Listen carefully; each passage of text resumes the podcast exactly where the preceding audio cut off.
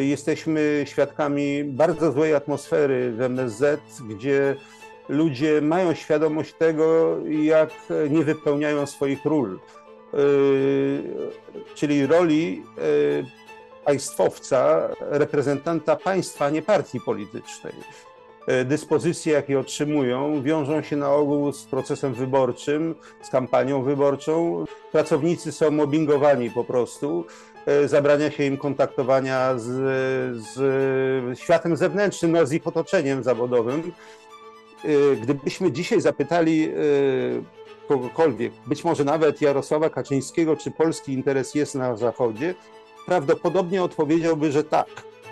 Ale cała polityka Prawa i Sprawiedliwości, polityka zagraniczna polskiego MSZ-u od 2016 roku jest de facto jednym wielkim konfliktem z Zachodem, z najbliższymi sojusznikami, co nie oznacza, że my nie mamy czasami rozbieżnych interesów czy rozbieżnej opinii.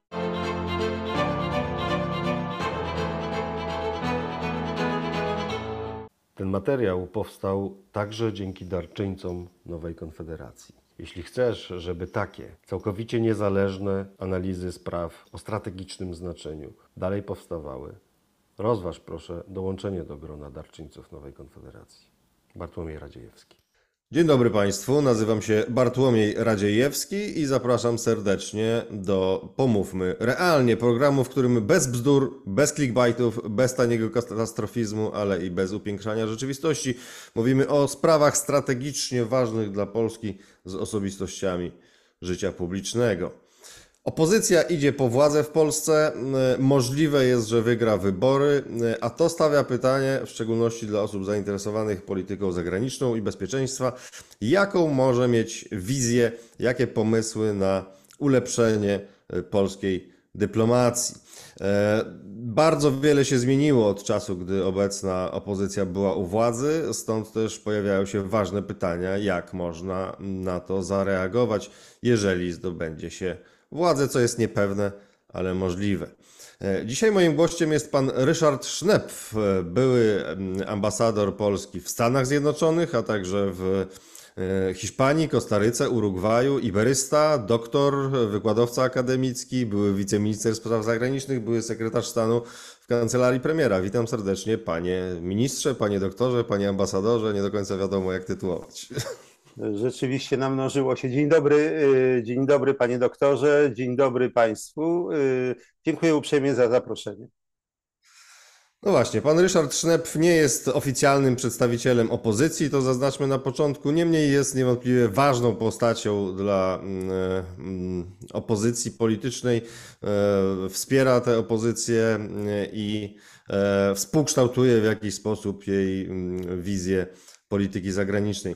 Panie ambasadorze, e, bardzo wiele się zmieniło od czasu, gdy opozycja rządziła w latach 2007-15, jesteśmy w zupełnie innej sytuacji geopolitycznej. Wydaje się, że ani tamta polityka europejska, ani tamta polityka amerykańska, ani tamta polityka wschodnia, krótko mówiąc żadna, nie może po prostu wrócić do tego, co było. Tymczasem mm, często na opozycji słychać takie głosy, wróćmy do tego, co było, przywróćmy normalność. Czy zgodzi się Pan z tezą, że nie, ma, nie może być przywrócenia normalności, ponieważ mamy zupełnie nową normalność, jeżeli chodzi o politykę zagraniczną? A jeśli tak, to jaka powinna być polityka zagraniczna opozycji, jeśli udaje się odnieść triumf wyborczy? E, może zacznijmy od tego, że zgadzam się z Pana diagnozą, że świat jest zupełnie inny dzisiaj niż 8 mhm. lat temu i siłą rzeczy polska polityka zagraniczna musi być dostosowana do realnych warunków. Z tym, że mamy tutaj dwie płaszczyzny, jak gdyby. Jedna to ta płaszczyzna polityki, czystej polityki zagranicznej, i ona oczywiście wymaga korekty, wymaga dostosowania, wymaga, powiedziałbym, dużej e, dawki realizmu, e, której mam wrażenie bardzo brakuje ostatnio. Z drugiej zaś strony, mówiąc o tej normalności, przywróceniu normalności, ja przynajmniej rozumiem ją jako przywrócenie zasad e, no, funkcjonowania aparatu samego administracji państwowej, który zajmuje się e, właśnie polityką zagraniczną, a więc pewnych norm, pewnych etycznych norm, ścieżki kariery, jednak odpowiedzialności urzędników państwowych za swoje czyny, za swoje słowa też. I pod tym hasłem normalności ja, ja to czytam jako po prostu przywrócenie zasad, choć powiem uczciwie, że nie zawsze one się sprawdzały w minionym okresie. Y, były też błędy, były też błędy kadrowe, ale chyba nigdy jeszcze w polityce zagranicznej po 1989 roku nie było takiego, powiedziałbym, nagromadzenia y, katastrof, katastrof związanych też złym doborem ludzi, czy z no, upadkiem morale służby zagranicznej. To jest bardzo ważna kwestia, zwłaszcza jeżeli no, dotykamy na przykład ostatniej afery wizowej e, i kwestii e, odpowiedzialności konsulów, ludzi, którzy decydują o wjeździe obcokrajowców, obcokrajowców na, w teren e, państw Schengen, ale też szerzej, bo wiemy już, że ta afera obejmuje także inne kraje sojusznicze, jak Stany Zjednoczone czy Kanadę a więc normalność w sensie... W sensie... przepraszam, panie ambasadorze, bo co do afery wizowej, to prasa ostatnio pisze, że już w 2009 roku ten proceder jakoś tam miał miejsce. Krótko mówiąc, prosiłbym o doprecyzowanie. Co pan ma na myśli, mówiąc o upadku zasad, bo przywrócenie zasad sugeruje upadek zasad? Co pan ma na myśli, mówiąc o katastrofach polityki zagranicznej i przywrócenie normalności, w sensie, jak rozumiem, niedopuszczania do kolejnych katastrof, tak? Tak, oczywiście. Postaram się być precyzyjny. Owszem, zdarzały się wpadki, ale jednostkowe. Konkretnie znam w jednym z azjatyckich krajów doszło raz do sprzedaży y, pozwoleń wizowych, do afery korupcyjnej. Było to, był to przypadek związany no, z, właściwie z jedną osobą. Ta osoba zresztą odpowiedziała prawnie, y, a krótko mówiąc, wylądowała w więzieniu za dopuszczenie się y, skandalicznych zupełnie czynów korupcyjnych. E, natomiast nie mówiliśmy, nie mieliśmy nigdy do czynienia z tak masowym zjawiskiem, e, które zagraża bezpieczeństwu państwa i zagraża bezpieczeństwu nie tylko Polaków, Polski, ale także e, naszych sojuszników, no, w Unii Europejskiej przede wszystkim, bo jesteśmy w strefie Schengen, ale także naszych sojuszników w NATO. Więc mówimy o zupełnie, zupełnie innym wymiarze mówiąc o normalności mam na, i tym moralnym czy etycznym aspekcie, mam na myśli to, co obserwuję już od jakiegoś czasu, a, na, a mianowicie gigantyczną falę y, no, y, prześladowań na placówkach. Y,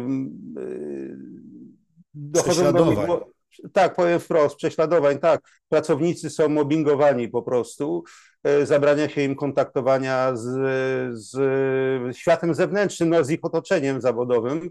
E, jest cała w tej chwili chyba rozbudowana sfera donosów, które są elementem e, promocji czy awansu niektórych sporej liczby pracowników.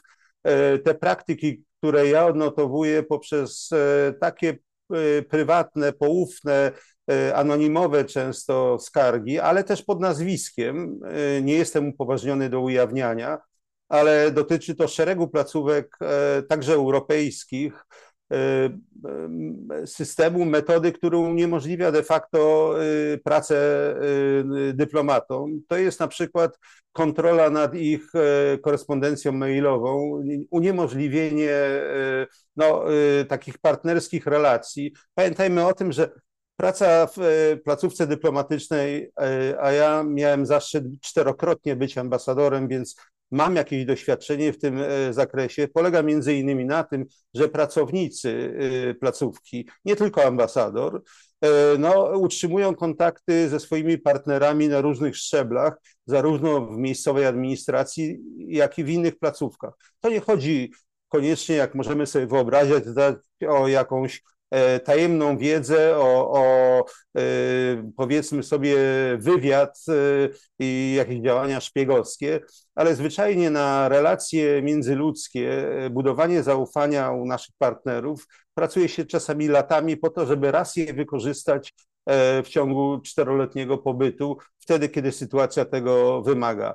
Zakłócenie tego procesu no, budowania relacji na zewnątrz ambasady, czy konsulatu generalnego, czy Instytutu Kultury Polskiej jest po prostu złamaniem podstawowych praktyk, de facto uniemożliwienie wykonywania zadań, a wszystko dlatego, że coraz częściej kierownicy placówek, może to być konsul generalny, może to być ambasador, w obawie przed konkurencją domniemaną, po prostu strzegą kontaktów na zewnątrz i, i zawłaszczają je i ograniczają je tylko do własnej osoby. Z obawy przed no, awansem innej osoby, przed zasługami innej osoby. Taka bardzo prozaiczna i ludzka rywalizacja, która jest niszcząca zupełnie dla funkcjonowania y, służby zagranicznej. To wiąże się często i ze słownym mobbingiem, y, z pogróżkami, Y, otóż y, mówiąc przywrócić normalność, mam na myśli również te zasady, których kierownicy placówek są na tyle stabilni w swoim i fachowi, i, i profesjonalni, że nie muszą obawiać się swoich współpracowników, że nie muszą ograniczać ich pola działania. Owszem, koordynować je, wiedzieć o, nim, o nich, ale nie ograniczać. Gotu, nasuwa mi się wątpliwość, panie ambasadorze, na ile to, co pan mówi, jest miarodajne, ponieważ z jednej strony mówi pan dosyć poważne zarzuty, prawda? A z drugiej, że nie może ujawniać szczegółów. Tylko jaka jest waga tych zarzutów, jeżeli nie idą za nim konkretne pozwy, yy, yy, wypowiedzi pod nazwiskiem i tak dalej. To zawsze można wyciągnąć yy, w tak dużej instytucji, jaką jest MSZ, jakichś ludzi poszkodowanych, jakichś ludzi mobbingowanych i zrobić tego systemową diagnozę. Tylko jeżeli systemowa diagnoza wymaga jakiejś kwantyfikacji, jakiejś, prawda, empiryzacji tego. Zgoda. Y, namawiam y, moich rozmówców do odwagi osobistej, ale tak jak y, we wszystkich instytucjach, ludzie są wystraszeni. Często są to ludzie młodzi, który, którzy zależni są od no, kierownictwa swojej instytucji po prostu obawiają się o swoją przyszłość, mają zobowiązania finansowe, mają rodziny. E, pobyt na placówce jest dla nich szansą, e, jest no, traktowany jako wyróżnienie i oczywiście mają z tym kłopot, kłopot, który ja bardzo dobrze rozumiem. Wolałbym, żeby tego typu, tego typu oskarżenia były rzeczywiście podparte no, nazwiskiem, były otwarte. Gdyby jednak tak było, prawdopodobnie mielibyśmy już procesy sądowe, bo to by prowadziło w oczywisty sposób do y, jednak y, jakichś formalnych oskarżeń i skończyłoby się w sądzie. Że ludzie nie mają odwagi na podjęcie takich działań, po pierwsze jest dosyć powszechne, jest pewien poziom zastraszenia ogólnego. Nie muszę mówić, że nawet takie wydarzenia jak potraktowanie e, pani posłanki e, ostatnio w Otwocku, oczywiście wzmaga to zastraszenie i obawy, zwłaszcza ludzi młodych, którzy są samotni i bezradni. I te telefony, te, te, te nasze rozmowy są właściwie taką formą jedynie no, uzewnętrznienia ale towarzyszą temu na ogół e, prośby o to, aby, aby ich personalia nie były ujawniane. Ostatnio był, były artykuły w Rzeczpospolitej na ten temat, a konkretnie w sytuacji w Instytucie Polskim e, w Madrycie, e, gdzie takie sytuacje mają miejsce i gdzie pracownicy zdecydowali się upublicznić no, problemy, jakie tam występują. Więc takich sygnałów jest dużo, dużo więcej. E, jesteśmy świadkami bardzo złej atmosfery w MSZ, gdzie ludzie mają świadomość tego, jak nie wypełniają swoich ról, e, czyli roli e, państwowca, reprezentanta państwa, nie partii politycznej. E, dyspozycje, jakie otrzymują, wiążą się na ogół z procesem wyborczym, z kampanią wyborczą, e, otrzymują e, no, decyzje czy polecenia, które jednoznacznie wpychają ich w zaangażowanie polityczne po stronie partii, oczywiście partii władzy, bo ta trzyma w ręku wszystkie sznurki i w tej frustracji oczywiście opierają się, opierają się czasami niezgrabnie, bez doświadczenia i są, stają się obiektami bardzo poważnego mobbingu, prześladowań wręcz, wykluczenia, nie mówiąc już o sytuacjach, które są dla nich po prostu obraźliwe i, i to musi się zmienić. No, dyplomacja nie może funkcjonować w warunkach powiedzmy takiego politycznego, jednostronnego podporządkowania nie państwu,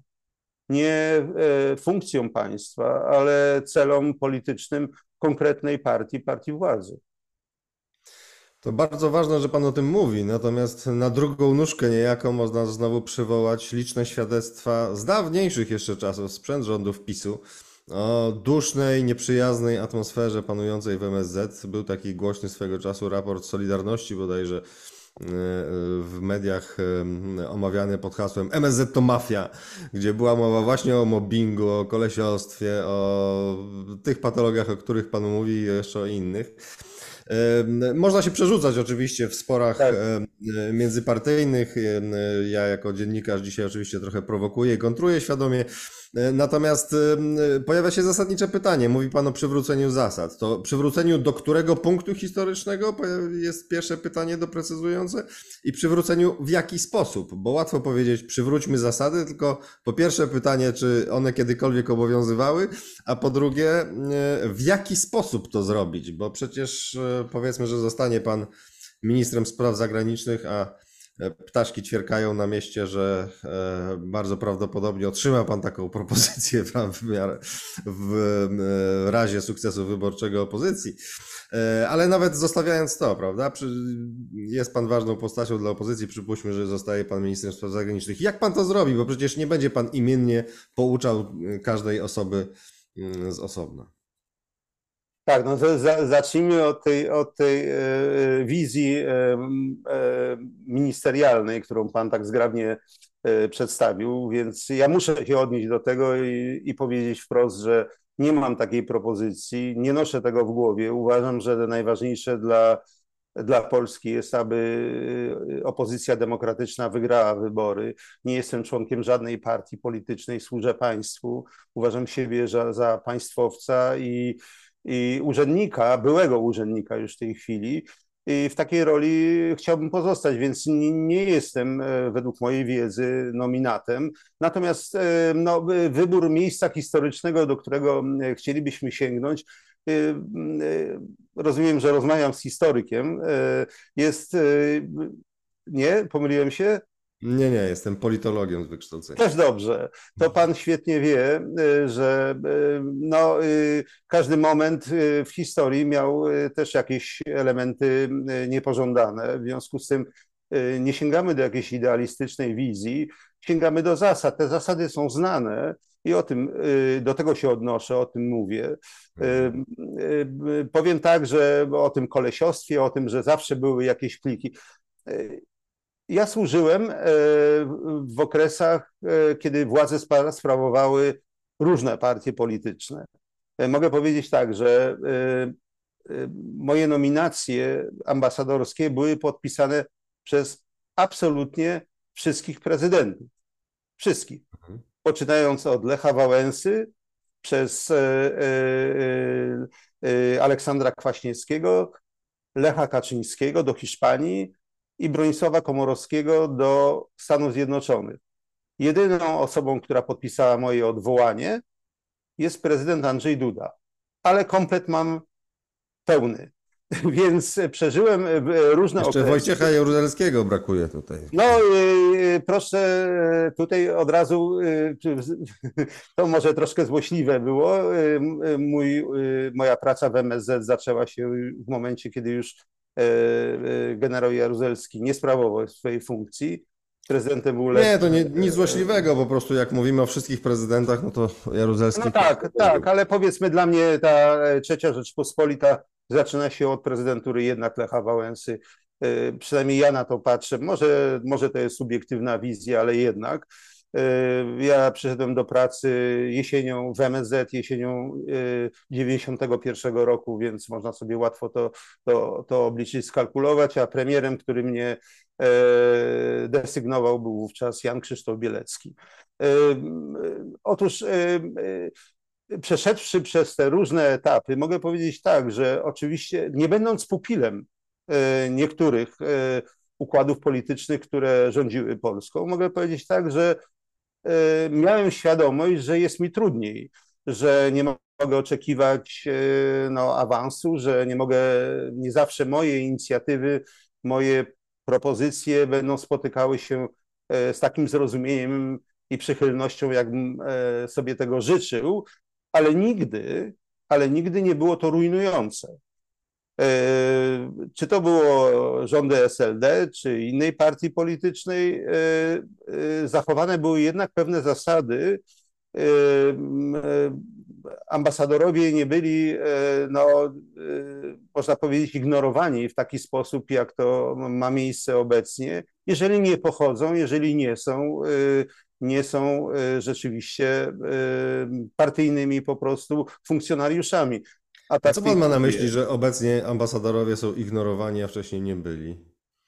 Znaczy większość ambasadorów, którzy nie mają funkcji partyjnych, czy nie są powiązani osobiście, po prostu wypełniają swoją misję, dostają zadania, ale nie mają żadnego wpływu na kształtowanie polityki. E, przeważnie zresztą e, urzędują w krajach, które mają mniejsze znaczenie dla Polski, pośrednie. E, to są odległe kraje w Ameryce Łacińskiej, niektóre kraje afrykańskie, mniej ważne kraje azjatyckie, ale nie kluczowe placówki. Na kluczowych placówkach obecnie prawie wszystkich są nowi nominaci. Przypomina to trochę ten transform, okres transformacji po 1989 roku, kiedy rzeczywiście e, e, profesor Skubiszewski, minister spraw zagranicznych, e, pierwszy po, po, po zmianach, no, rzeczywiście odnawiał kadry MSZ-u po to, żeby pokazać inną twarz polskiej dyplomacji. Od 2016 właściwie roku Y, podobnie to się dzieje, przy czym wciąż jesteśmy w tej samej e, wolnej Polsce, przynajmniej teoretycznie. Natomiast proces e, kadrowych e, czystek no, był rzeczywiście bardzo głęboki i bardzo często nieuprawniony. Kończy się to w wielu wypadkach też procesami sądowymi, ponieważ zwolnienia były no, z mocy prawa nieważne. Y, MSZ ponosi bardzo wysokie koszty tych, tych działań, ale ważniejsza jest, ważniejsze jest zapewnienie sobie w głównych stolicach y, no, y, obecności ludzi, którzy są lojalnymi partyjnymi funkcjonariuszami, którzy nie stanowią i bez żadnego doświadczenia, powiedzmy sobie to uczciwie, no prowadzą jakąś tam politykę, politykę partii, ale nie politykę państwa polskiego.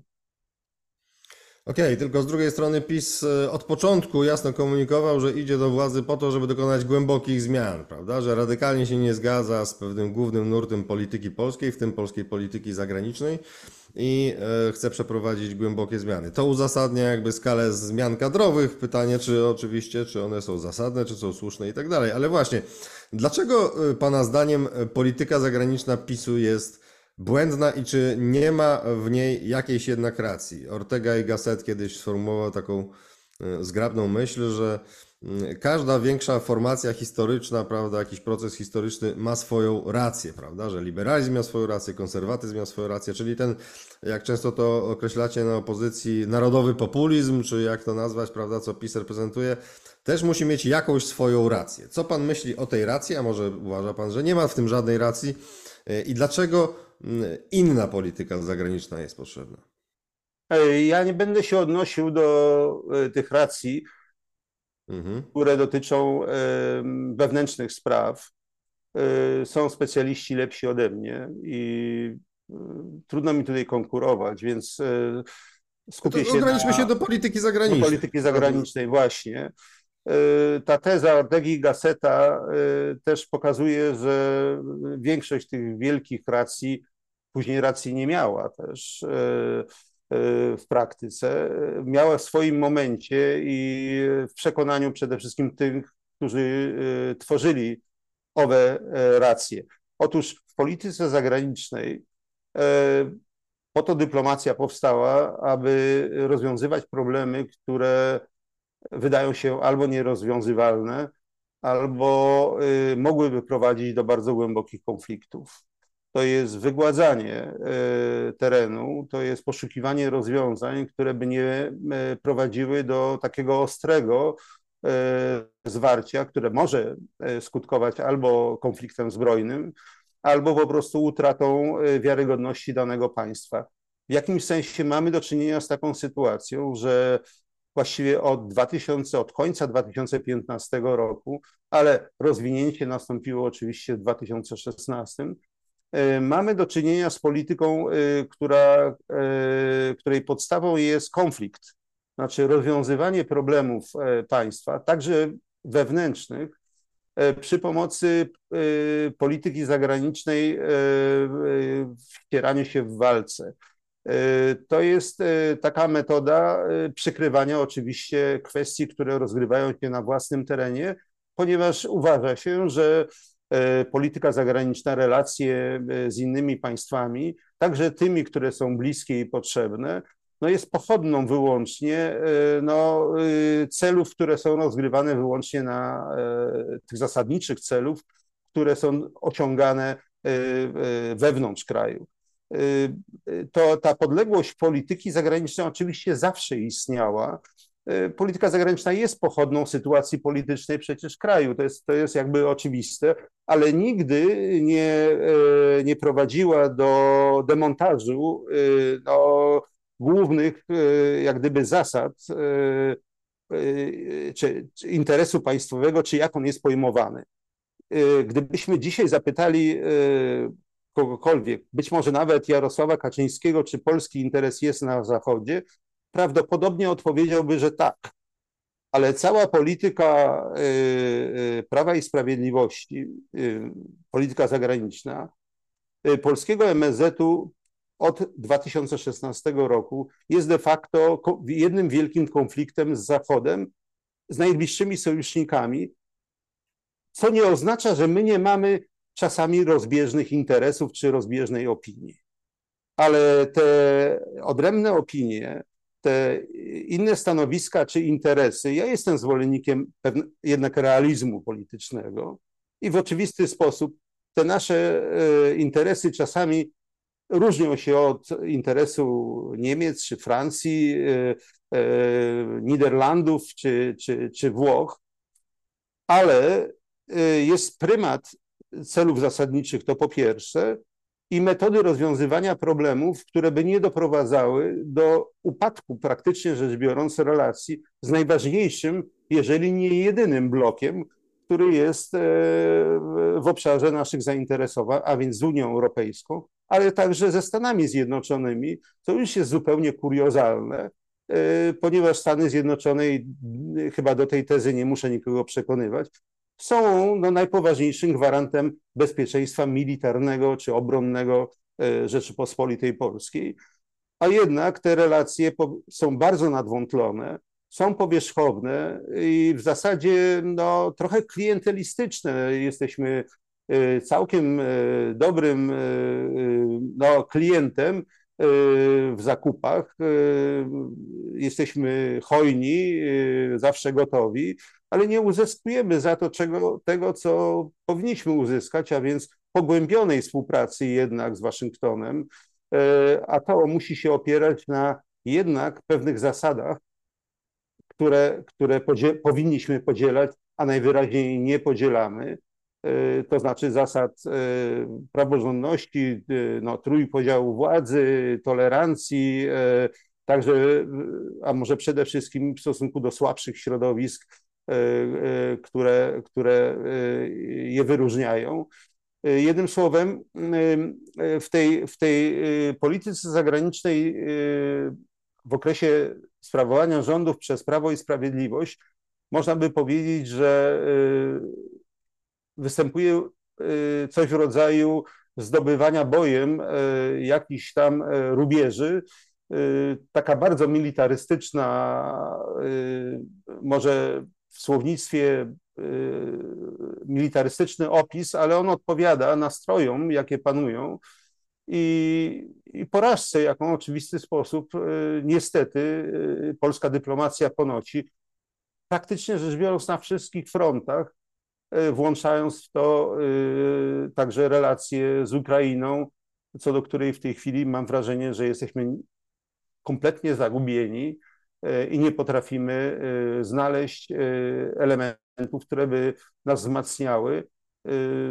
Z kraju, który, który no, był orędownikiem i jednym z najbardziej aktywnych we wspieraniu Ukrainy, wylądowaliśmy w tej chwili na pozycjach kraju wątpiącego, kraju, który dla wielu Europejczyków czy Amerykanów y, kojarzy się z stronnikami jednak Putina. To efekt ostatnich wypowiedzi ukraińskich i konfliktu polsko-ukraińskiego o zboże, ale też chyba szerszego procesu, który dla mnie wiąże się z tradycyjnymi polskimi złudzeniami o charakterze romantyczno-idealistycznym, z tym, że prowadziliśmy bardzo naiwną politykę wspierania na wielką skalę Ukrainy bez podnoszenia naszych interesów w ogóle, prawda? A teraz się budzimy w sytuacji rozbieżności pewnych interesów i w sytuacji, w której Ukraińcy sobie uświadomili, że nie przez Polskę, tylko przez Berlin, czy przez Waszyngton, czy przez Londyn się załatwia istotne sprawy. Ale przecież, pa, panie redaktorze... Ale proszę mi pozwolić tylko do, tak, tak, do, dobrze, do, do, do, zmierzam do zadania pytania, prawda? E, niezależnie, czy Pan się zgadza z tym, co powiedziałem przed chwilą, czy nie, to pytanie moje brzmi, jak lepiej by Pan poprowadził politykę wobec Ukrainy, żebyśmy nie byli w tak niekomfortowej sytuacji, jaką Pan przed chwilą opisał? Ja się zgadzam w gruncie rzeczy z tym, co Pan powiedział przed chwilą. Brak realizmu, właśnie, e, brak e, identyfikacji naszych celów, ale brak też e, wyczucia i doświadczenia. To znaczy, w polityce zagranicznej jest coś takiego, jak powiedziałbym, zapach też, czyli doświadczenie, które podpowiada, w jakiej atmosferze jesteś, jesteśmy, dokąd zmierza, jakie są sygnały, które płyną nie tylko z wypowiedzi, ale powiedziałbym generalnie z takiego y, y, y, no, atmosfery, która nas, nas otacza. Ukraina jest krajem walczącym, walczącym o przeżycie i chyba nie muszę tego mówić. Z tego tytułu, a chcielibyśmy, w naszym interesie jest, żeby Ukraina tę wojnę wygrała. Jakkolwiek by to władze ukraińskie widziały. Tutaj nie chcę wchodzić bardzo szczegółowy y, y, dyskurs na temat tego, y, co to znaczy zwycięstwo dla Ukrainy, ponieważ prawdopodobnie stanowiska te są bardzo różne w samej Ukrainie. Ale my w oczywisty sposób jesteśmy zainteresowani posiadaniem kraju sąsiedzkiego, posiadaniem sąsiada, który byłby przewidywalny, który byłby no, y, przyjazny, którym e, można nie tylko prowadzić handel, ale który stanowi także tak już wtedy pierwszą linię obrony e, tego, co określamy Zachodem czy, czy, czy światem euroatlantyckim. Więc z przyczyn no, naturalnych Y, jesteśmy zainteresowani żywotnie y, sukcesem y, Władimira, Władimira Zeleńskiego i, i generalnie Ukrainy. Teraz wiadomo jest, że z tym wiąże się również wiążą się oczekiwania Ukrainy i trzeba być kompletnie naiwnym, żeby nie zdawać sobie z tego sprawy, że wiążą się z tym koszty i to nie są tylko i wyłącznie koszty pomocy e, liczone w dolarach, ale koszty polityczne. Ukraina jest na wysokiej fali i to już od, praktycznie rzecz biorąc, od momentu, kiedy Stany Zjednoczone i za Stanami, za Waszyngtonem, właściwie cały system NATO wsparł Kijów. Skoro tak, to należy zachować bardzo dużą ostrożność E, formułowaniu własnych interesów, które powinny być określone, ale nie muszą być sztandarem, którym się powiewa. Ja powiem tak. Jest za nami jeszcze pewna, e, pewne doświadczenie historyczne relacji z Ukrainą, które jest obciążeniem dla naszej polityki współczesnej. Nie wiem, czy muszę to rozwijać, chyba niekoniecznie, bo wszyscy Wołyń, wiemy... wiadomo, stare Ja, e, e, To jest i Wołyń, ale to jest e, wielowiekowe, można powiedzieć, panowanie na terenie Ukrainy przez e, Królestwo Polskie. No, e, byliśmy e, krajem, który dominował, który polonizował też na tamtym terenie.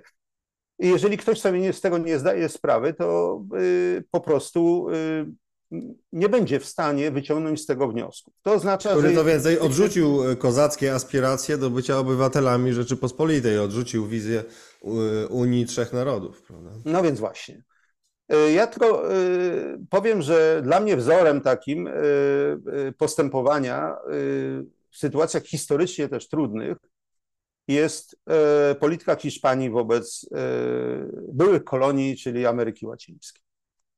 Proszę zwrócić uwagę, że w relacjach z wieloma krajami, jakie Hiszpania stara się utrzymać i, i, i- i pieścić je, dopieszczać je, y, z takimi krajami jak Argentyna, y, Wenezuela, Kuba, y, Ameryka Środkowa, Nikaragua, Salwador, mógłbym wymienić tutaj, Kolumbia. Jest Cała wiele- Ameryka, cała Ameryka Łacińska z wyłączeniem Brazylii. z wyłączeniem Brazyli i Karaibów, które były, przepraszam, częściowo brytyjskie, częściowo francuskie i częściowo e, e, niderlandzkie, to e, e, Hiszpanie rzeczywiście dokonują gigantycznego, heroicznego zupełnie e, wysiłku, żeby pomimo e, tych e, historycznych zaszłości i różnych niestosowności, jakie się pojawiają, utrzymać re, relacje poprawne, a nawet je pogłębić, bo to jest interes i polityczny, i gospodarczy. I przypomnę taki fakt, że kiedy e, e, e, e, pani prezydent Kirchner e, wywołała sk- skandal zupełny, przynajmniej dla Hiszpanów, nacjonalizując e, firmy hiszpańskie zresztą naftowe, co było gi- gigantycznym policzkiem dla polityki hiszpańskiej. Otóż, jeżeli prześledzić te relacje, to wielokrotnie zdarzało się, że dla nas byłoby to powód do wypowiedzenia niemalże wojny. No już sobie wyobrażaliśmy, że to Przepraszam, e, pani, armada pani, pani prezydent Kirchner, prezydent jakiego, jakiego kraju? Powiedzmy? Argentyny, Argentyny. Argentyny. To było no, y, y, wielka firma Repsol hiszpańska, która ma, wykupiła akcje y, największej firmy naftowej w Argentynie. Z powodu rozwodnienia tych akcji po prostu argentyński rząd przejął właściwie własności hiszpańskie i wydawało się, że za moment umowna armada hiszpańska ruszy w kierunku Argentyny, żeby odzyskać to. I tym, a okazało się, że, że, że Hiszpania zareagowała spokojnie, wykonała krok do tyłu, ponieważ tak jak już znacznie wcześniej, uważała, że z Ameryką Łacińską generalnie trzeba bardzo delikatnie i ostrożnie, ponieważ jest to teren wrażliwy. Yy, I trzeba mieć zaplecze. Hiszpania ma silne zaplecze w Unii Europejskiej, może liczyć na sojuszników. Otóż jeżeli my chcemy mieć jakiś uzysk w polityce e, naszej, w relacjach z Ukrainą, które są też bardzo delikatne i wymagają subtelności, zrozumienia, czasami cofnięcia się, no, pochylenia głowy, yy, w oczekiwaniu na to, że może oni tę fazę, ten etap takiego uniesienia, jaki przeżywają w tej chwili, pewnie przeżyją i, i wtedy będzie punkt wyjścia jakiś do tego, żeby utrzymywać normalne, przyjazne relacje, bo tego będziemy bezwzględnie potrzebowali. Będziemy potrzebowali też uczestnictwa no, w odbudowie być może Ukrainy. Jak możemy tego oczekiwać, kiedy powstają tak zaognione punkty? Otóż nie wolno nam zniszczyć najpierw relacji z Unią Europejską, bo tracimy nasze zaplecze polityczne, przestajemy się liczyć jako ważny podmiot dla Ukrainy e, w ich ścieżce, w ich ambicjach, nie tylko zresztą do Unii, ale także do NATO. Ja pamiętam e, w Waszyngtonie, e, e, to był 2015, 14, 15 rok, ambasador Ukrainy, nie powiem, że dzwonił do mnie codziennie, ale prawie. Ilekroć wybierał się na spotkania jakieś do Senatu czy do Izby Reprezentantów, dzwonił, mówi, mówił Ryszard, czy nie poszedłbyś ze mną? Ja pytam się, do czego jestem ci potrzebny? A on mówi, wiesz, jak ty będziesz ze mną, to nasze stanowisko będzie mocniejsze. To znaczy, że to jest serio. I otóż w 2015 roku jesienią te telefony umilkły. Oni już wiedzieli właściwie, że przestajemy być siłą motoryczną, która może im pomagać. Zaczęliśmy rujnować nasze relacje z USA, zaczęliśmy y, y, rujnować nasze relacje w Unii Europejskiej. Nie mamy atutów, krótko mówiąc, nie mamy co za, y, do zaoferowania. Mało tego, jeżeli dochodzi do jakichś tam sporów, jakichś tam drobnych w sumie scysji właśnie z naszymi przyjaciółmi ukraińskimi, to my nie mamy żadnego zaplecza. Nikt się za nami nie wstawi, nikt nie powie tak, to Polska ma rację, a być może niektórzy nawet zacierają ręce i powiedzą, no tak, stało się to, co miało się stać. No wy, wyszliśmy na, krótko mówiąc, będę tutaj e, bardzo niedyplomatyczny, na frajera. Dlatego, że y, nie mamy wyobraźni politycznej. Ci, którzy decydują o tym, ja mam wrażenie, że po prostu mają krótką pamięć, zaskakująco małą wiedzę, ale przede wszystkim brak intuicji politycznej. Znaczy, budowanie pozycji to jest proces. To nie jest tak, że można to zadekretować, tak jakby prezes Kaczyński chciał, że od jutra będziemy y, potężni. To nie, może, to nie będzie tak, jak chce minister Błaszczak, że od jutra będziemy mieli najpotężniejszą armię w Europie, bo jest to nonsens kompletny. Siła armii to jest także siła polityczna współdziałania z partnerami. Nie ma w Europie takiej siły, która jest gotowa działać na własną rękę wyłącznie. Liczy się siła i głębokość sojuszu z innymi państwami. Więc nie chciałbym, żeby ministrowie opowiadali kompletne bzdury, łudzili Polaków, że, że posiadamy jakieś nadzwyczajne, boskie może zdolności, żeby gdyby się przydarzyło coś, jesteśmy w stanie coś zrobić, a nie potrafimy złowić nawet jednej rakiety, która spada pod Bydgoszczą. No obudźmy się wreszcie, bądźmy rzeczywiście realistami. Ja rozumiem, że, że, że nowa konfederacja jest właśnie taką siłą w, poli- w myśleniu politycznym, która sięga do realizmu. Tak jest. Może nie we wszystkich przypadkach, ale na pewno taki jest główny nurt. Ja się odwołuję do tego realizmu. Zdajmy sobie sprawę, gdzie jesteśmy, co jest naszym, e, może być naszą siłą, co straciliśmy, ale jesteśmy w stanie odbudować. I tutaj jestem, jestem przekonany absolutnie, że naszą pozycję w Unii Europejskiej, w relacjach e, ze Stanami Zjednoczonymi jesteśmy w stanie odbudować, bo oni czekają w gruncie rzeczy na to, żeby Polska wróciła do normalności i stała się przewidywalnym krajem. To nie znaczy, że czekają na nasze podporządkowanie. No właśnie, Amerykańskie ambasadorze, środowiska tylko- polityczne, dodam tylko, pytają opozycję, czy utrzyma kontrakty. Nie są pewne, czy, czy, czy ta polityka właśnie klientelistyczna trochę, zamiast polityki realnej, czy ona będzie utrzymana, czy nie. I to opozycja ma na to odpowiedzieć, a jestem pewien, że zachowa się racjonalnie. Proszę mnie nie pytać, co to oznacza, bo y, y, dyplomacja kieruje się czasami gestami czy pomysłami, których nie można publicznie tłumaczyć. To, co w tej chwili się dzieje, jest owocem między innymi tego właśnie, że to jest wielki mikrofon. Zresztą chyba y, mój były kolega Waszczykowski powiedział, że dość jest megafonów, polityki megafonowej. No tak, on ma rację, no, ale sam do tego się, powiedzmy sobie szczerze, też przyczyniał. Są rzeczy, o których nie można mówić, po prostu przy, ogłaszać przy mikrofonie y, na konferencji prasowej, podczas której padają tak absurdalne zupełnie zdania, jak porównanie do tonącego, który brzytwy się chwyta. Proszę przeanalizować to zdanie. Ono jest po prostu obraźliwe, ono jest e, defetystyczne z gruntu, y, Ukraina pod wodą i jeszcze, że mogą nas pociągnąć też pod wodę.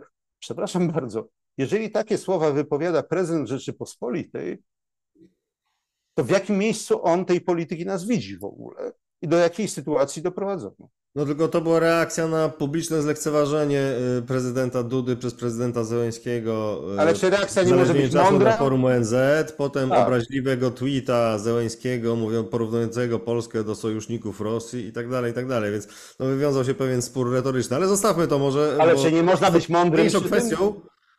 Słucham? Czy nie można być mądrym przy tym? Można. No, o, no właśnie.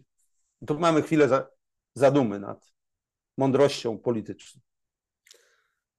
Tak, tak ambasadorze. Natomiast wracając do tego, co pan mówił, bo y, wiele interesujących punktów krytyki obecnej władzy tu się pojawiło, jeżeli chodzi o jej politykę zagraniczną. Natomiast jakby tu siedział przedstawiciel PiSu, to natychmiast by powiedział, że to opozycja prowadziła politykę klientelistyczną i to wobec mniejszych graczy, czyli wobec mainstreamu Unii Europejskiej, w szczególności Niemiec. To e, pisowska polityka jest właśnie protestem przeciwko temu klientelizmowi, że przez 8 lat e, ogłosiliśmy ustami ministra Sikorskiego, że płyniemy w głównym nurcie Unii Europejskiej, a znaczyło to de facto podpisywanie się pod tym, co zarządzą Niemcy i Francja i wypinanie piersi, że jesteśmy w mainstreamie, ale raczej byliśmy, umówmy się, służbą przy stole niż graczem przy stole. E, klientelizm PiSu wobec Stanów Zjednoczonych e, rzeczywiście można słusznie mm, wytykać znowuż opozycja, jak dochodziła do władzy, prawda, w roku 2007, to właśnie to krytykowała. E, tylko, że obie strony zarzucają sobie klientelizm i tak to się naprzemiennie toczy. Jak, jaki tu znaleźć punkt wyjścia poza tymi zasadami, o których Pan mówi, tą pewną, tym pewnym kunsztem dyplomatycznym, który Pan podkreśla? E, ja rozumiem, że e, pan doktor e, tutaj przedstawił... Nie jestem doktorem.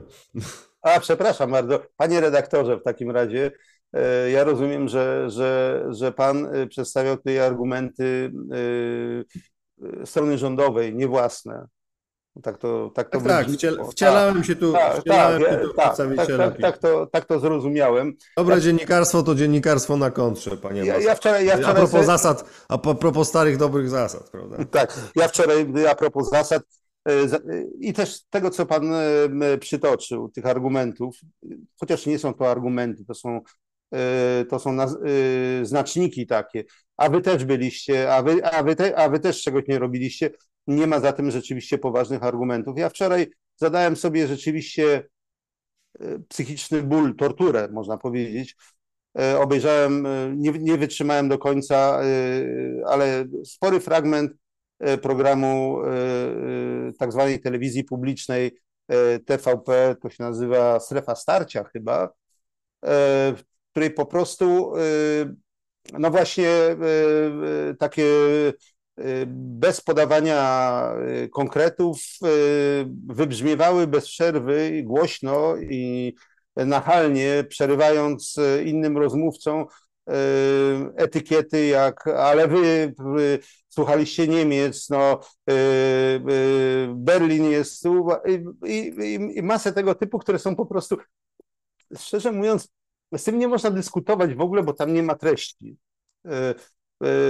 Był pan e, minister Czarnek, był pan minister, pan eurodeputowany, e, e, jakże on się nazywa, taki bardzo wymowny,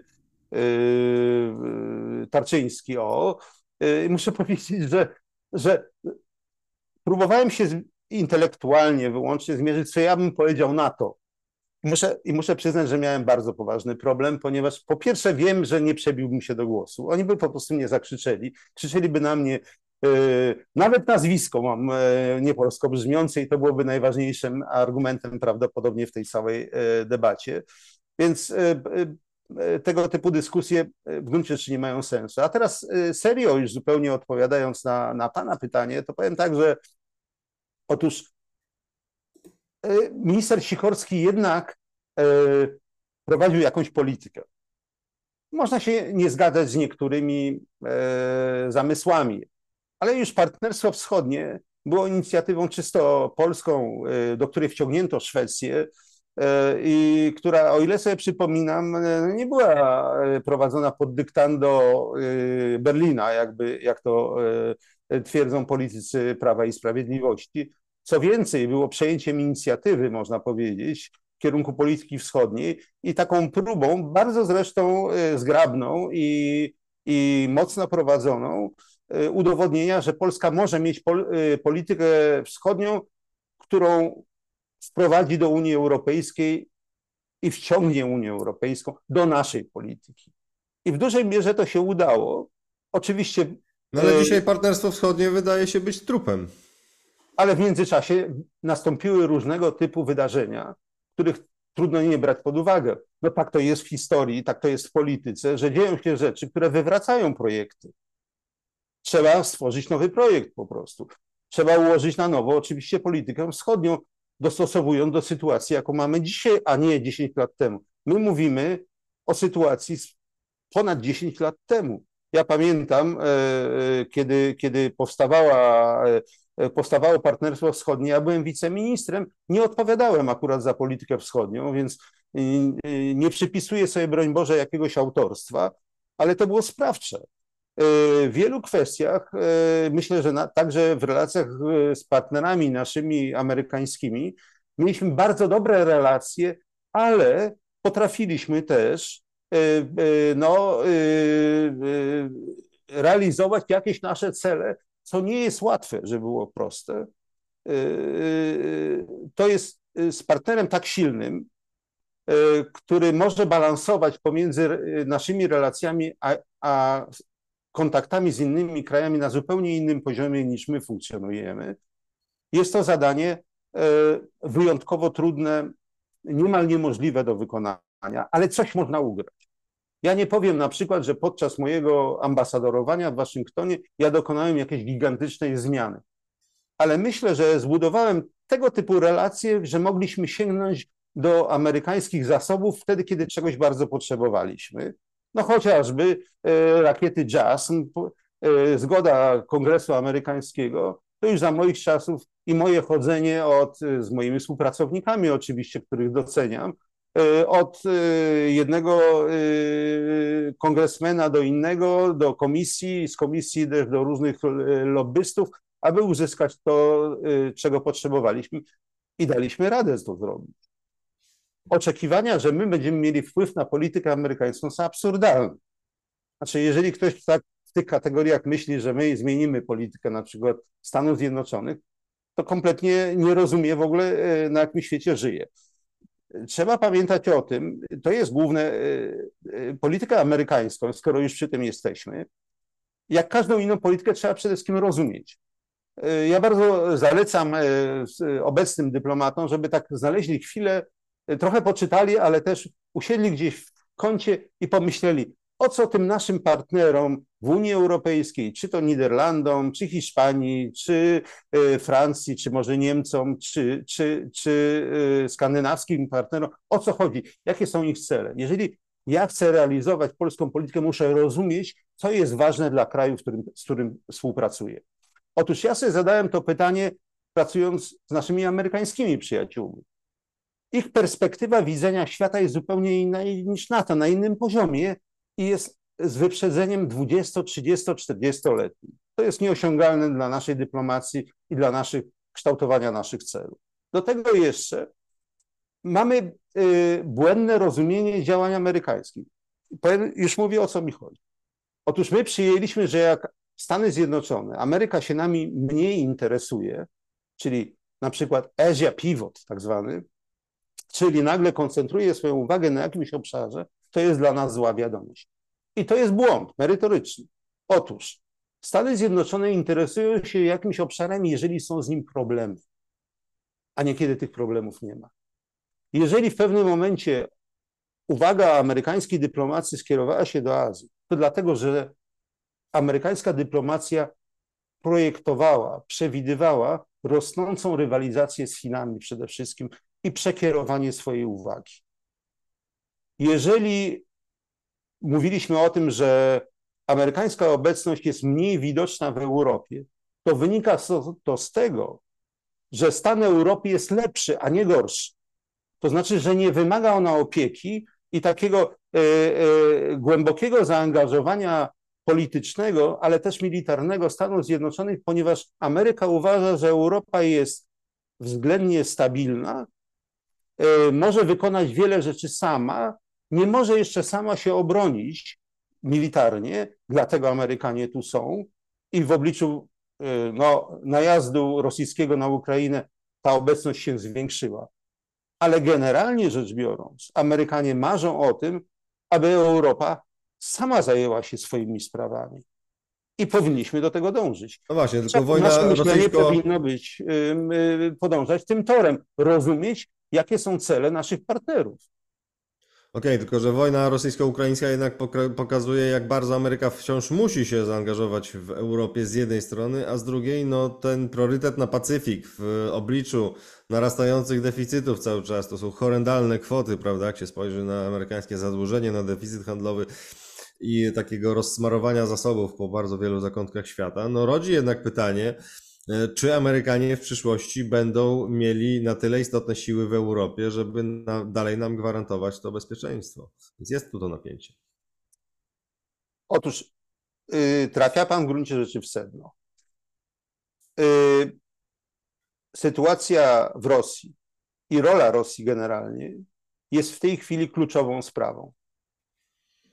Stany Zjednoczone czy Zachód, bo prezydentowi Bidenowi udało się zjednoczyć Zachód. Wbrew temu, co działo się podczas kadencji Donalda Trumpa, który dzielił, podważał e, zasadność funkcjonowania NATO, e, czyli robił bardzo wiele, przyczyniał się, chwalił Wielką Brytanię za wystąpienie z Unii Europejskiej i, i wiele innych niemądrych, realizował niemądre pomysły, które doprowadziły prawie, że rzeczywiście do rozpadu y, tego świata, który, który określamy mianem euroatlantyckiego. Joe Biden odwrócił tę tendencję. Zbudował zaplecze do obrony przed e, Rosją, przed imperialnymi aspiracjami Władimira Putina. Bez pokonania Rosji Stany Zjednoczone i generalnie Zachód nie jest, nie jest w stanie konkurować z Chinami. A więc musi wykonać pierwszy krok, żeby wykonać drugi krok. Dla Chin z kolei, proszę zwrócić uwagę, bo poruszamy się w tej chwili na, trochę na poziomie, na którym polska dyplomacja ma bardzo niewiele do powiedzenia, żeby było jasne, ale powinna ją rozumieć. Rozumieć, żeby realizować swoje cele na swoim poziomie, który jest, powiedzmy sobie, o dwa piętra niżej. Otóż e, Chiny prowadzą politykę wobec Rosji podtrzymania jej życia. One nie chcą jej za bardzo pomóc, chcą utrzymać, żeby Rosja nie była zbyt silna, ale jednocześnie, żeby nie przegrała. To jest racja stanu Chińskiej Republiki Ludowej i prezydenta Xi. Racją Stanów Zjednoczonych i Zachodu generalnie, bo Joe Biden przekonał do tego Europę, przekonał do tego członków NATO, swoją bardzo zgrabną polityką, nawet Francuzów, po to, żeby przekonać Francuzów, wysłał e, e, e, Toniego Blinkena, sekretarza stanu, który jest francuskojęzyczny, jest franco-fanem, wystąpił w telewizji, ponieważ się wychował we Francji. No nie można lepiej tego, że tak powiem, rozwinąć, niż tak jak to zrobili Amerykanie. To pokazuje kunszt właśnie, którego nam właśnie. czasami brakuje. Podkreślmy, że przekonanie Francuzów do czegokolwiek to szczególnie duża sztuka dyplomatyczna. A jednak, a jednak, Francuzi zawsze będą troszeczkę brykać i swoje grać, po prostu dlatego, że są e, narodem, który ma bardzo długą imperialną tradycję, to, któremu zejść z tego e, e, podium jest trudno, no bo społeczeństwo francuskie nie przyjmie tego łatwo jak kraj, który nie był dominujący, a Francja była krajem, który rządził prawie światem całym, w związku z czym jako, jako kraj kolonialny, ale nie tylko, Powiedzmy sobie szczerze, gdyby nie Francja, to Stany Zjednoczone prawdopodobnie by w ogóle nie powstały. To Francja zablokowała y, y, no, y, Brytyjczyków, którym, którzy przegrali wojnę o niepodległość Stanów Zjednoczonych, wiążąc ich siły i dostarczając uzbrojenia, ale nawet oficerów wysyłali swoich, żeby wspomogli amerykańskich kolonistów w walce z Brytyjczykami. No więc y, Francja w tej swojej roli historycznej ma problem oczywiście mentalny, żeby zejść ze swojej y, wielkiej roli, y, że nagle dyplomacja dzisiaj w świecie już nie mówi po francusku, tylko po angielsku. No, trzeba to zrozumieć też. I, i te wyskoki czasami, te, te takie, można powiedzieć, wielkie inicjatywy francuskie przyjąć z pewnym zrozumieniem, że no cóż, no, jak się było cesarstwem, no to czasami jest tak trudno od razu zejść do roli e, jednej z wielu republik. Okej, okay, no mnóstwo pytań jeszcze ciśnie mi się na usta. Miałem wrócić do tematów organizacyjnych w MSZ, ale już chyba nie zdążymy. Może w ostatnim e, podsumowującym pytaniu jeszcze zechce Pan w odpowiedzi na nie, zechce Pan się do tego odnieść. Wydaje mi się, że to jest też duży temat, prawda? Jak e, ułożone są sprawy w MSZ od dawna, ale zapisu też zaszły istotne zmiany na niekorzyść, mnie się wydaje. Natomiast e, przedostatnie pytanie o Białoruś chciałem zadać, bo sporo Pan mówi o polityce wschodniej, która zawsze była dla Polski kluczowa i taką jest i pozostanie. Mamy w tej chwili istotne tam problemy. po takim okresie euforii, tym bardziej je odczuwamy. E, natomiast Białoruś wydaje się krajem podobnie fundamentalnym dla Polski, jeśli nie bardziej niż Ukraina. E, I w mojej ocenie przynajmniej myśmy z przeproszeniem no, zupełnie schrzanili kwestię białoruską prowadząc tam idealistyczną politykę wspierania demokratycznej opozycji za wszelką cenę, nawet jeśli była bardziej proputinowska od samego Łukaszenki. To się wiąże z całą polityką zachodnią i tak dalej. I teraz ja u amerykańskich analityków czytam, że trzeba rewizji tej polityki, że trzeba stworzyć jakieś opcje, żeby nawet z tym Łukaszenką potrafić E, rozmawiać, czy z kimkolwiek, ktokolwiek tam będzie w przyszłości rządził. Mm, e, co pan sądzi o kwestii białoruskiej i jakby pan ją ułożył na przyszłość, żeby nie dochodziło do takiej sytuacji, że wspieramy demokratyczną opozycję w imię tam idealistycznych naszych haseł, e, wpychamy tego Łukaszenkę głębiej w ramiona Putina i parę lat później budzimy się w sytuacji, że Białoruś staje się w sensie operacyjno-wojskowym już właściwie prowincją rosyjską. Jeszcze ma niepodległość, ale to już jest bardzo istotne podporządkowanie, do którego, jak się wydaje, dołożyliśmy swoją cegiełkę, swoją polityką. No tak, Amerykanie inaczej widzą e, e, swoją rolę polityczną wobec Białorusi i to e, można zauważyć i myślę, że to oni będą, mm, mają tutaj klucze do tego, do tego zamka, nie my. My jesteśmy, my rzeczywiście zaangażowaliśmy się jednostronnie. Ja mam z tym pewien problem emocjonalny. Mówię jako ja, jako Ryszard Sznep, e, e, wykładowca akademicki. Obywatel, obywatel, obywatel Rzeczpospolitej, obywatel i nic więcej, to mogę powiedzieć, że oczywiście sympatyzuję z e, białoruską opozycją, rozumiem ich rozumiem ich ból y, po, po, po, tym, po tych wydarzeniach, które miały tam miejsce. To jest y, y, bardzo emocjonalnie trudne do zaakceptowania. W związku z tym trudno jest nam, mnie jest osobiście trudno, będąc w roli obywatela właśnie, mówić o jakiejś e, chłodnej bardzo polityce, która wobec Białorusi, która prawdopodobnie musiała być dosyć cyniczna. E, e, przyszły minister spraw zagranicznych w porozumieniu myślę, że jednak e, z partnerami, bo to nie jest wyłącznie polska domena, no, musi się głęboko zastanowić nad tym, potrzebujemy Białorusi bezwzględnie jako ważnego jako, jako partnera przyszłości. Idealną sytuacją byłaby zmiana reżimu e, w Białorusi, ale na to się nie, nie zanosi na razie. Ale być może w e, perspektywie, e, powiedziałbym, do 10 lat, jednak Białoruś z powodów ekonomicznych, może nawet bardziej niż politycznych, będzie przeżywała zbliżenie do Zachodu, zwłaszcza jeżeli ten patron, jakim jest e, Putin i, i Moskwa, będzie co najmniej osłabiony. E, dla mnie jest ważne to, tak ja to rozumiem, że prowadząc politykę wschodnią, polityka, Polska powinna jednoznacznie sterować do centrum Europy. Może to jest e, takie e, idealistyczne, ale ja bym chciał, żeby Polska przestała być Europą środkowo-wschodnią, tylko żeby była po prostu środkową Europą. Żebyśmy byli naprawdę poważnym partnerem, nie klientem. Partnerem, który też ma coś do powiedzenia, a myślę, że mamy potencjał do tego w relacjach z Francją, z Niemcami i innymi członkami tego Zachodu, tego, tej starej Europy. Zrobiliśmy e, dobry początek. Przeżywamy w tej chwili załamanie naszej pozycji, ale ona jest do odrobienia. E, myślę, że e, scementowanie takiego środka Europy, stabilnego środka, byłoby zagwarantowaniem dla Polski po pierwsze bezpieczeństwa, bezpieczeństwa militarnego. Y, powiązanie gospodarcze powoduje też y, i kulturalne także, powoduje, że obywatele innych krajów zachodnich myślą o nas jako o obywatelach tej samej rodziny w sumie.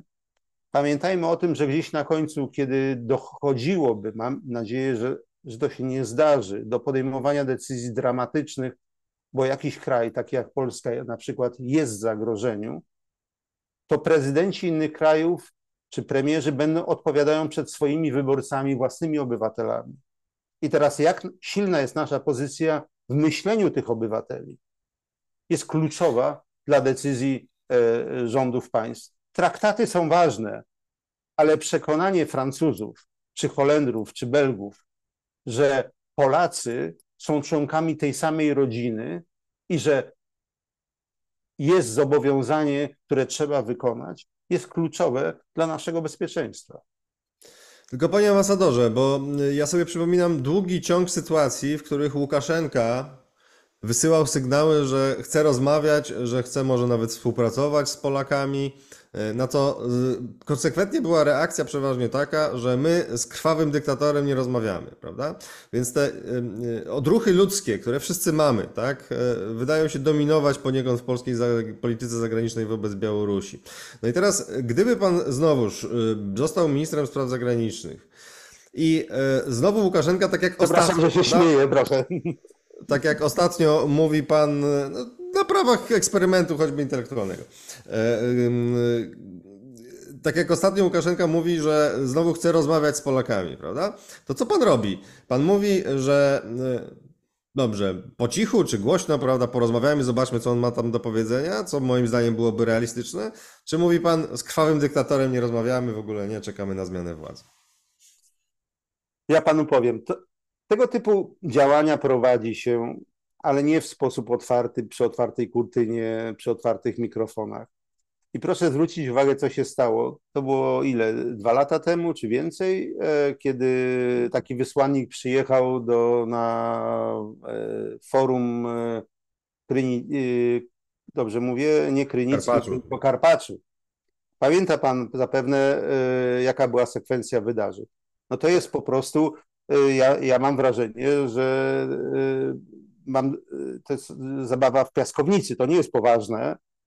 Jak już się coś robi, jak się testuje na przykład rzeczywiste intencje kontrowersyjnego bardzo partnera, powiedzmy sobie też tak, bo to jest kontrowersyjny partner. No, zbyt daleko idące zobowiązania czy kontakty zbyt otwarte grożą jednak kompromitacją. Y, trzeba mieć, wiedzieć, na ile jest to gra, gra y, pozorów, y, po to, żeby na przykład skompromitować władzę innego kraju. To wymaga zabezpieczenia też. To, to jest na serio. A byliśmy świadkami jakiegoś teatrzyku dziecięcego, w którym wszystko wyszło na jaw, obnażyło, powiedziałbym, hipokryzję, dyletanstwo, brak profesjonalizmu tych, którzy prowadzili tego typu działania, bo zdaje się, że jakieś tam próby były. Y, jeżeli się podejmuje takie działania, to y, musi to być niezwykle profesjonalnie wykonane, żeby może nie tyle doprowadzić do, od razu do jakichś deklaracji, ale żeby znać intencje po prostu y, kraju, który generalnie jest krajem y, nieprzyjaznym, żeby nie powiedzieć wrogim. W związku z tym y, ostrożność musi być bardzo daleko idąca.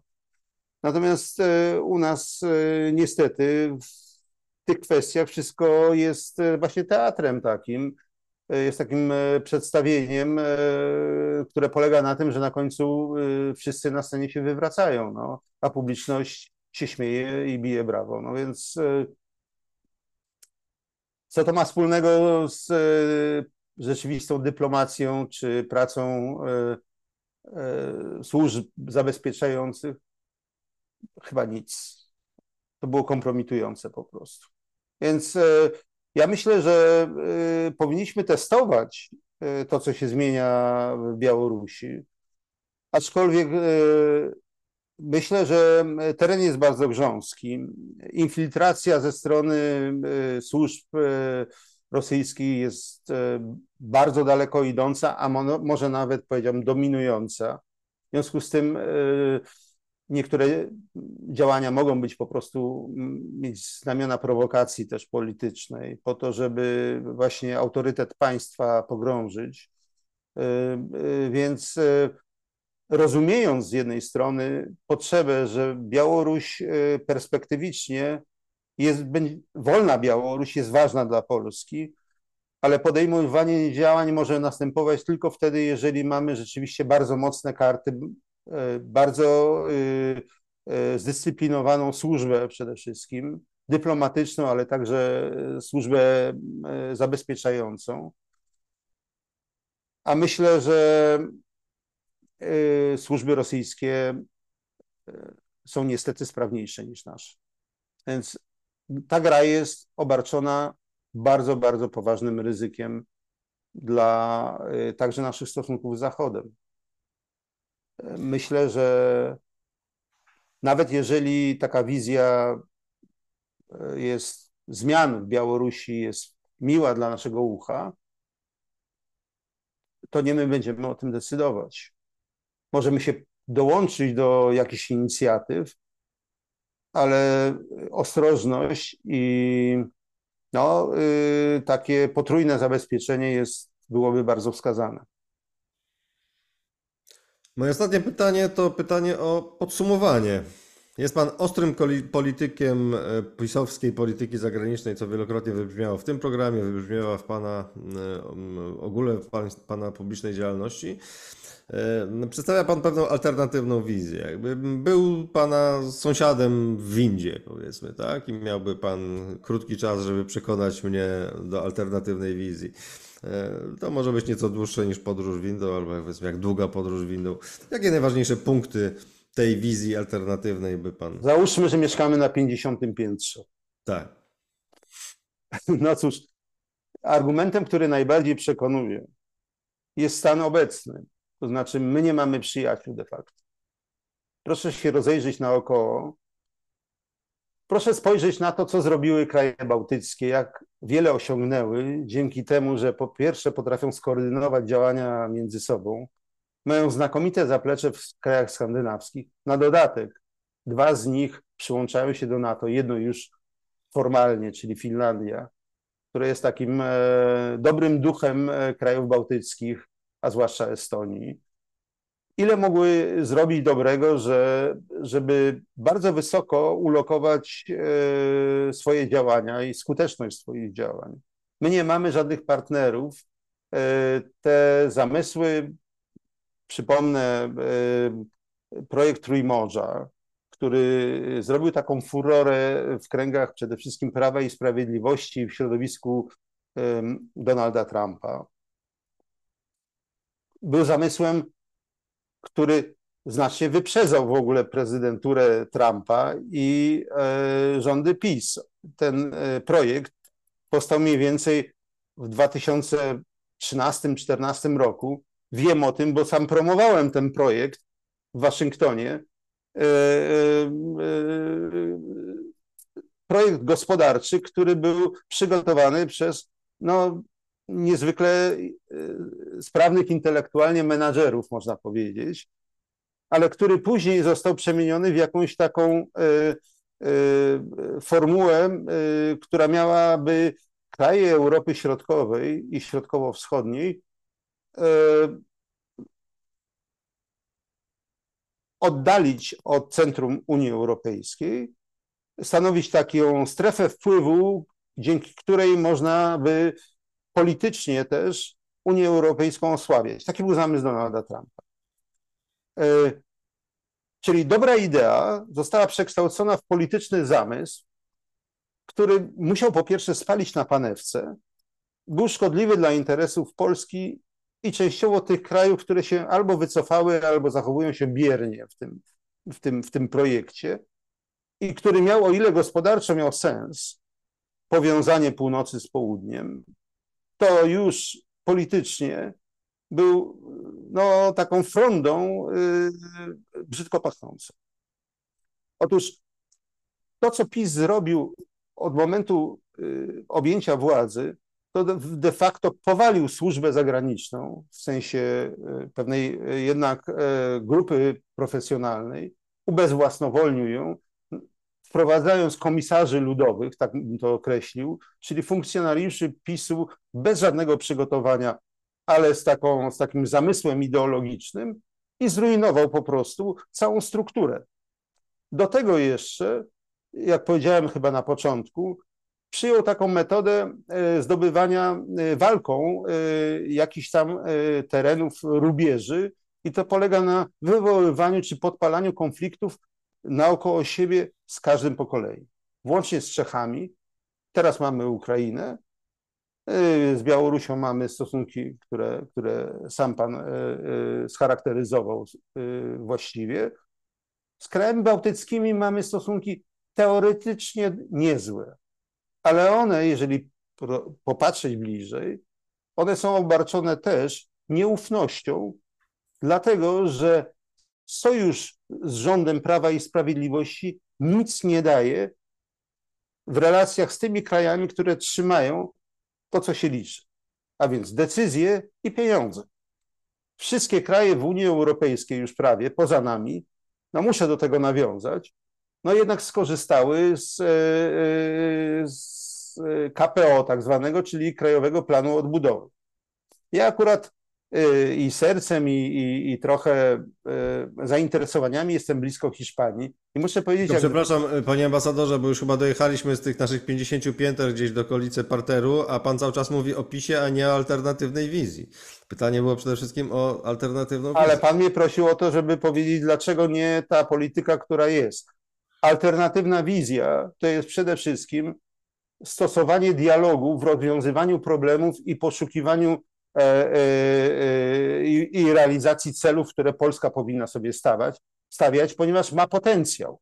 Ma potencjał ludnościowy, ma potencjał gospodarczy, ma bardzo dynamiczną strukturę społeczną, która zamiast tę energię w pozytywny sposób uruchamiać, budując gospodarkę, ale też i realcje, działa destrukcyjnie, albo no, są to młodzi ludzie, którzy wyjechali z Polski i zasilili gospodarki gdzie indziej. Ta wizja jest stosowaniem dialogu i porozumienia. Czy to znaczy, że ze wszystkimi mamy się zgadzać? Oczywiście nie. Ale czy to znaczy, że mamy podpalać też albo podcinać tę gałąź, na której siedzimy? Też nie. Pamiętajmy o tym, że w dalszym ciągu system NATO i Unii Europejskiej jest najbardziej rozwojowym i najbardziej bezpiecznym dla Polski obszarem działań. Więc powinniśmy się tego bezwzględnie trzymać. Powinniśmy mieć wpływ na to, co się dzieje w tych, tych gremiach. No ale żeby mieć wpływ, to trzeba po pierwsze reprezentować potencjał, ten mamy, ale umieć prowadzić dyskusję. Żeby dać przykład konkretny, bo ja mówię to w kategoriach dosyć teoretycznych, a E, każdy widz zapyta, no dobrze, a, a, tak konkretnie? A tak konkretnie to na przykład sprawa y, y, tranzytu czy, czy sprzedaży zboża ukraińskiego. Proszę spojrzeć, co zrobiła, co zrobiła Rumunia i co zrobiła Słowacja i od razu odpadły z konfliktu, a jednocześnie nie zrezygnowały ze swoich celów. To znaczy, pytanie, można? Odpowiedź, można. Kraje takie jak Rumunia czy Słowacja, Rumunia dzisiaj de facto też militarnie zaczyna być numerem jeden w naszym regionie. Także kraje bałtyckie, które łączą swoje siły, łącznie z Finlandią, my jesteśmy takim po prostu miejscem, w którym niepewności, zwłaszcza jak usłyszymy jeszcze słowa takie, że może już nie będziemy więcej dawali, czy premier musi o tym mówić, że nie będziemy dawali więcej uzbrojenia i później tłumaczyć, że, że miał na myśli to, a nie miał na myśli to. Czy my jesteśmy, przepraszam bardzo, w przedszkolu jakimś? Czy, czy to mówi szef rządu polskiego? Jeżeli szef rządu polskiego chce wyrazić swoje myśli, to musi być po pierwsze precyzyjny, a po drugie nie musi wszystkiego mówić. To może zasygnalizować tylko, że mamy pewien problem, ale nie doprowadzać do tego, że połowa prasy zagranicznej na świecie pisze o tym, że być może przesadzając, że Polska nie będzie kontynuować swoich dostaw Y, y, y, wspierających uzbrojenie ukraińskie, bo premier Polski musi się zaraz tłumaczyć, że, że, że no nie, nie to miał na myśli, że nie tam. Premier rządu nie może po prostu e, żonglować swoimi słowami w ten sposób i bez przerwy się tłumaczyć. Prezydent nie może się tłumaczyć na drugi dzień z tego, że właściwie nie to miał na myśli, mówiąc o, o, o topieniu się i, i, i o chwytaniu się brzytwy, że miał co innego i tak dalej. Znowu powtarzam, czy my rozmawiamy z politykami, którzy reprezentują państwo polskie, czy rozmawiamy, rozmawiamy z młodymi ludźmi, dziećmi, które się dopiero uczą i no i my traktujemy to no tak z przymrużeniem, no powiedział, ale jutro zmieni zdanie, tak jak ja rozmawiam e, ze swoimi dziećmi, aczkolwiek one czasami brzmią bardziej e, serio ni- niż przedstawiciele najwyższych władz. Więc trzeba e, zacząć być serio politykiem, reprezentować serio kraj, który jak coś mówi, jak coś wyraża, to znaczy, że to jest przemyślane, nie może na reaktywnie działować, na, y, y, reagować na wszystko, co powie prezydent Zeleński. To jest y, absurdalne po prostu. To jest tak, że trzeba przełknąć i spokojnie powiedzieć, no tak, może nie wszystko było dobre. Jest pewne nawet, że prezydent Zeleński powiedział o dwa, może trzy słowa za dużo. Zgoda. Ale od tego do obraźliwych słów jest jeszcze długa ścieżka. No, y, trzeba posługiwać się y, też bardzo dobrze językiem polskim, żeby słowa wyrażały rzeczywiście myśli, a nie żeby trzeba było się tłumaczyć później wielokrotnie, interpretować, że to nie było tak, to było inaczej, ja właściwie miałem na myśli, ale tego nie miałem na myśli. To Jasna sprawa, jasna sprawa, to już wy, myślę, że wybrzmiało dobrze, panie ambasadorze. E, Wychwyciłem trzy punkty pana alternatywnej wizji pozytywnej polskiej polityki zagranicznej. Dialog, profesjonalizm i silna obecność w strukturach euroatlantyckich. Dobrze mówię, czy coś, coś, coś pominąłem? Zdecydowanie tak. Dialog jest głównym instrumentem dyplomacji, zwłaszcza w stosunku do krajów, które nie są naszymi wrogami, tylko są naszymi sojusznikami i partnerami gospodarczymi. Nawet jeżeli się różnimy, to nie możemy dopuszczać do sytuacji, w której e, Berlin, Niemcy są pokazywane jako po prostu e, na równi, zrównywane de facto z Federacją Rosyjską i z polityką Putina. No przecież to jest chore zupełnie. Powinniśmy wykorzystać atuty Niemiec w taki sposób, bądźmy inteligentni, krótko mówiąc, Bądź- bądźmy przemyślni, bądźmy bardziej przemyślni niż oni są, niż nasi partnerzy. Wykorzystajmy nasze atuty, wykorzystajmy inteligentnie to, że Niemcy mają historyczne przewinienia i wszyscy o tym wie, wiemy my i wiedzą oni też, ale wykorzystajmy to w sposób subtelny, inteligentny, bez uderzania, bicia po twarzy, bez wylewania pomyj na, w publicznym miejscu, bo tak to w tej chwili wygląda.